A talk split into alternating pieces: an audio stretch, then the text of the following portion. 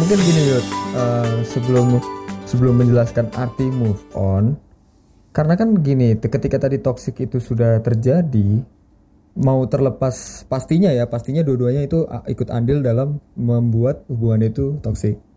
Cuman kan pasti kita akan uh, bener gak sih? Pasti kan ada satu uh, salah satu yang merasa ya dia udah ibaratnya sadar lah sadar sehingga hmm, dia yang memutuskan oke ya ini harus seperti hmm. apa sih kendalinya nah ketika sudah diputuskan hmm. ya yang merasa toksik itu kan pasti akan lebih akan lebih cepat lah uh, uh, ibaratnya move onnya tadi ibaratnya uh, sudah siap lebih sudah siap duluan gitu untuk mengakhiri hubungan hmm. tapi kan si orang ini si orang pasangan satu lagi itu mungkin tidak hmm. merasa siap sesiap yang yang mengakhiri putusan keputusan nah sehingga okay. kan di situ terjadilah harus move on. Nah, sebenarnya itu harusnya gimana sih?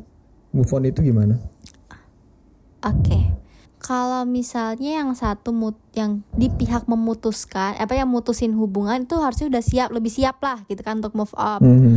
daripada de, uh, yang apa namanya yang diputusin emang sih karena yang namanya yang mm. untuk memutuskan apa untuk kayak oke okay, decide mau memutuskan hubungan tuh pasti udah mikirin banget betul, gitu kan. Ya. Sedangkan kalau yang diputusin kan kayak kaget gitu, hah emang kenapa kok tiba-tiba yeah. putus yes. gitu kan?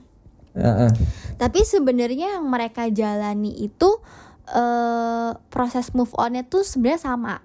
Well, sama ya move on itu sama ya sama-sama move on sebenarnya. Ya? Sama-sama move on kan berarti sama-sama berjalan keluar dari hubungan itu sebenarnya dua-duanya ya kan. Uh yeah. Cuma mungkin startnya beda. Oke. Okay. Mungkin startnya beda, bentuk depannya beda. Yang satu uh, udah lebih terlihat um, siap, yang satu kaget gitu. Tapi sebenarnya proses uh, keluar dari hubungannya itu apa namanya kayak dasarnya tuh sama. Nah, gimana sih Jeng? Emang da, uh, proses keluarnya tuh gimana? Emang? Hmm, ya pernah denger gak sih teman-teman tentang yang Kubler-Ross cycle. Gimana tuh? Gimana tuh? Hmm, nggak tahu sih. Uh, ya, jadi ketika kita uh, berusaha keluar dalam hal ini berusaha keluar dari suatu perasaan misalnya nggak terima ataupun putus gitu ya. Yang pertama mungkin kita merasa denial dulu nih, denial kita bingung masa sih beneran ini terjadi kayak gitu. Terus kita bisa merasa kedua marah. Kita merasa frustasi terus jadi ada perasaan kayak gelisah anxiety ketika putus nyari-nyari orangnya lagi kayak gitu. Terus uh, kemudian kita juga bisa fase selanjutnya itu mengalami yang namanya depres jadi kita merasa sedih banget rasanya. Terus ngerasa sendirian. Biasanya ada yang nemenin misalnya. Terus ngerasa sekarang nggak ada lagi teman yang biasa ada di samping kita atau yang biasa menemani kita. Nah habis itu kita jadi ngerasa mungkin juga ada rasa bergaining untuk bisa mengbalikan dalam hal uh, bentuk konkretnya. Jadi kayak ah gue pengen balikan lagi deh sama dia. Jadi uh, kita berusaha untuk uh, ngontak dia lagi atau kita jadi ngeliatin uh, IG dia terus Instagramnya. Nah kadang-kadang proses ini yang dijalani eh sorry terus baru kelima kita baru bisa merasa acceptance atau menerima Nah, tapi kadang-kadang untuk mencapai acceptance itu sangat sulit. Kita bisa misalnya udah sampai tahap yang keempat, terus balik lagi ke tahap yang kedua, atau dari tahap uh, kita udah ngerasa udah mau sampai acceptance nih, tapi abis itu keinget lagi. Nah, itu tuh sebenarnya normal. Cuman gimana caranya kita benar-benar bisa uh, mengendalikan diri. Terus abis itu berusaha untuk mencapai fase acceptance itu. Oke, berarti dia bukan memang apa namanya proses yang proses yang berlangsung iya berlangsung harus sesuai dengan siklus itu ya. Dabda ya ini disebutnya ya. Nggak harus berurutan tapi bisa juga ngacak bisa juga kembali. Jadi it's not worry. Tapi kalau uh, waktunya seperti apa nih? Apakah ada time frame-nya dia memang bisa berlangsung cepat? Atau memang akan lama atau seperti apa sih sebenarnya? Beda-beda sih setiap orang pasti ada yang bisa cepet ada yang bisa lama banget. E, tergantung gimana kita bisa melalui semua fase itu. Ketika kita sudah melalui semua fase itu baru kita bisa dapat menerima atau sampai ke tahap si acceptance ini Oke, waktunya bervariasi. Tapi memang semua harus dijalani. Ada nggak salah satu fase mungkin yang nggak akan kita jalan ketika kita uh, proses move on itu sendiri? Menurut lo ada nggak? Maksudnya pernah dong kemarin misalnya pernah putus gitu. Ada nggak sih yang nggak dialamin dari yang tadi dijelasin dari denial, anger, depression, bargaining kayak gitu? Uh, ya memang ini dijalanin semua sih. benar benar benar. Uh, uh, kalau kalau gue sih mungkin melihatnya kalau gue ya pengalaman gue ini anger sih anger nggak nggak kalau gue nggak pakai anger nah. sih ya nggak tahu kenapa mungkin nggak uh, sadar kali Jess. Anger tuh bentuknya nggak cuma misalnya kayak marah sih sebenarnya bisa dendam iya. dendam gitu. Uh, gue boleh nambahin nggak? ya, silahkan. Boleh. Oke. Okay jadi uh, sebenarnya emang itu pada umumnya yang terjadi lima tahap itu gitu kan. Walaupun hmm. it, itu bu, bisa keacak bisa mungkin apa dulu baru apa tapi paling diakhiri dengan acceptance tadi itu. Cuma uh, ada juga penelitian yang ngasih tahu ternyata nggak nggak harus apa namanya nggak harus semua step okay. itu tuh gitu. menarik nih menarik nah, nah yes terus?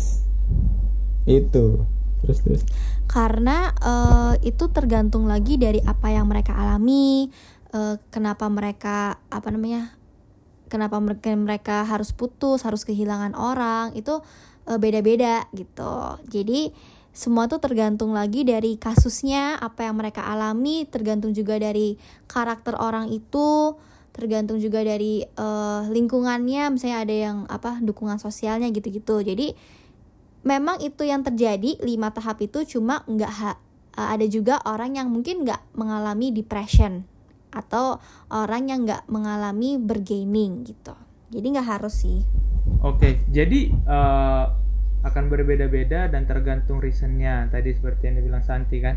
Nah dalam Mm-mm. proses move on ini yang paling penting itu Mm-mm. prosesnya atau memang tujuan akhirnya Mm-mm. kita harus ke acceptance gimana Oke. Jadi uh, untuk bisa kan pasti tujuan uh, apa pingin move on itu karena pada akhirnya pingin melepaskan rasa sakit hati itu gitu kan karena ketika kita terus berada di uh, rasa sakit hati itu nggak enak ya kan nah uh, sebenarnya yang penting adalah proses. Kita perlu menikmati prosesnya itu. Jadi uh, misalnya uh, untuk bisa akhirnya sukses nih bukan sukses sih apa untuk bisa belajar nih dari proses melepaskan ini itu kita di setiap proses apa yang kita rasakan tuh perlu kita uh, nikmatin aneh juga sih misalnya kayak disuruh misalnya lagi sedih terus ada orang bilang udahlah nikmatin aja sedih-sedihnya tuh iya. agak agak aneh ya kalau didengar tapi bener dong tapi bener dong harus dinikmatin mm -mm, tapi bener perlu dinikmatin nah. jadi uh, mungkin dinikmatinya itu bukan dengan apa namanya kayak nikmatin kan kayak konotasinya positif ya kayak enjoy yeah, gitu yeah. Ah ya ya itu. Sebenarnya enggak nikmati itu maksudnya uh, misalnya lagi sedih ya kalau mau nangis ya nangis sih nangis nangis mm -mm. jadi jangan di uh. apa di deny deny itu diapain ya Iya ditolak apa penolakan lah. Iya kayak jangan merasa uh, gengsi gitu-gitu. Kalau itu hal yang negatif tapi it's okay to mm. be not okay.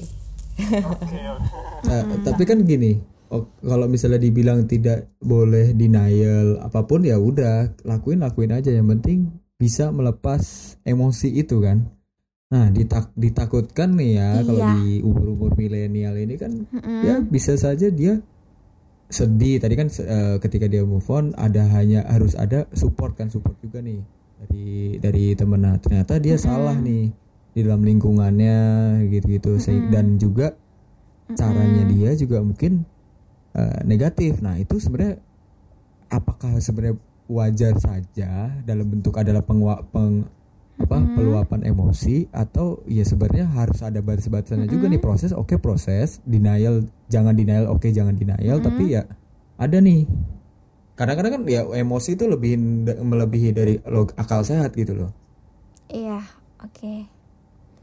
uh, eh, jadi sebenarnya cara move on pasti orang-orang beda yeah. gitu kan mm, tadi lu udah mm. bilang juga cuma pasti harus ada batasannya yes. emang boleh menikmati cuma yang paling penting itu uh, jangan sampai menyakiti diri sendiri atau orang lain.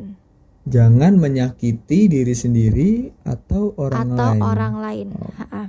Menangis itu Jadi, berarti sebenarnya tidak ada yang kalau ngomongin menangis itu sebenarnya tidak ada yang disakiti atau dirugikan ya? Nggak oh. ada. Nggak ada, nggak ada. Itu melegakan, melegakan kayaknya.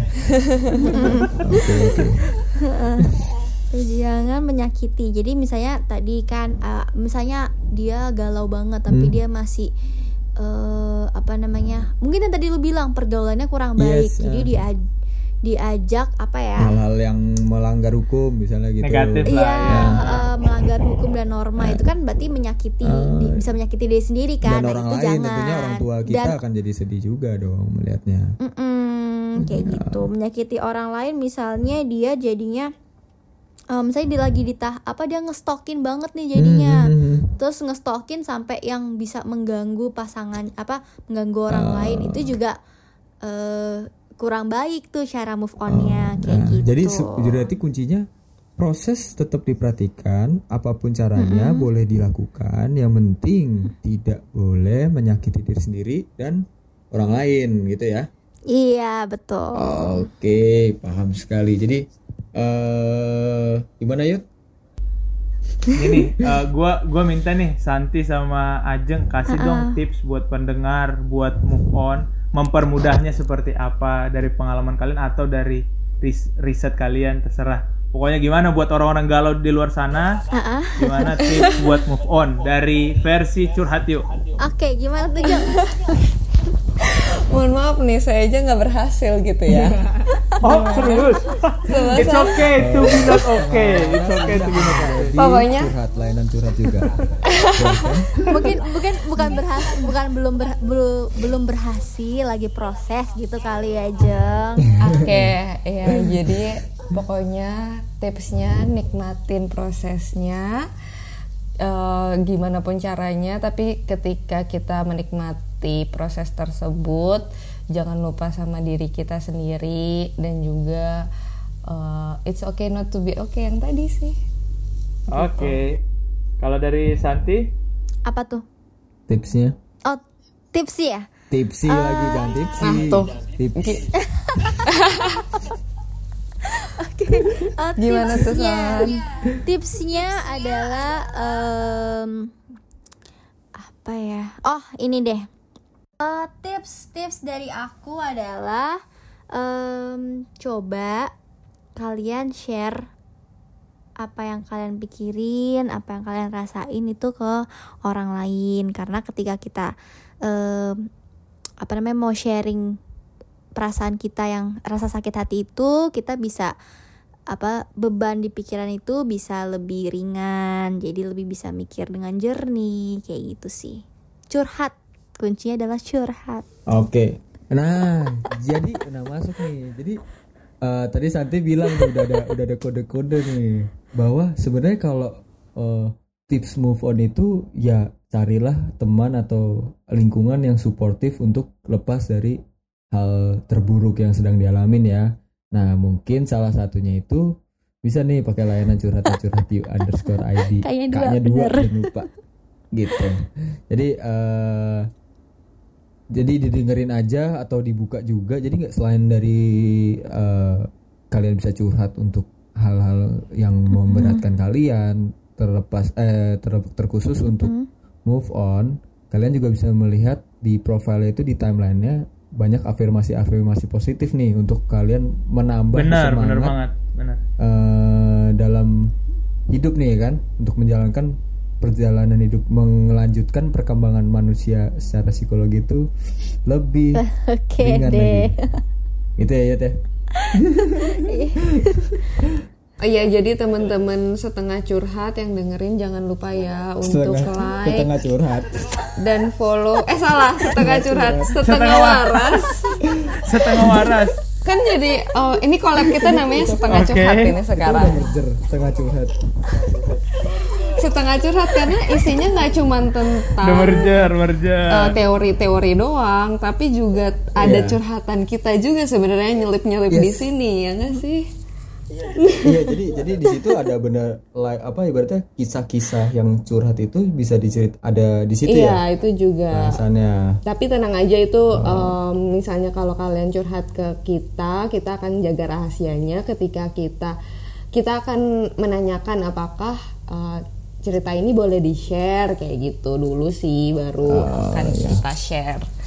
Dan layanan kita itu gratis loh. gratis itu paling penting tuh generasi milenial yang cari-cari itu yang gratis